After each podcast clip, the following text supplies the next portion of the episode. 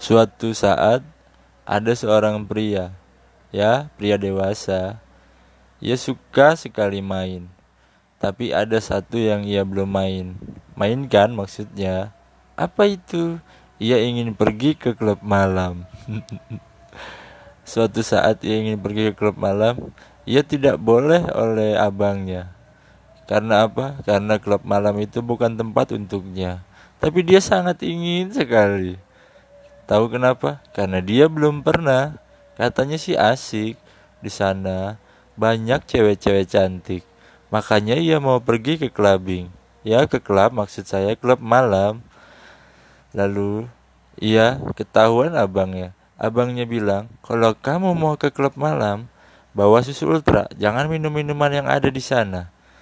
Baiklah, kata si si yang mau ke klub. Siapa ya namanya? Nggak tahu dah siapa namanya.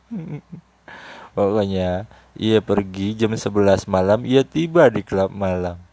Lalu ia mencari perempuan cantik di klub malam.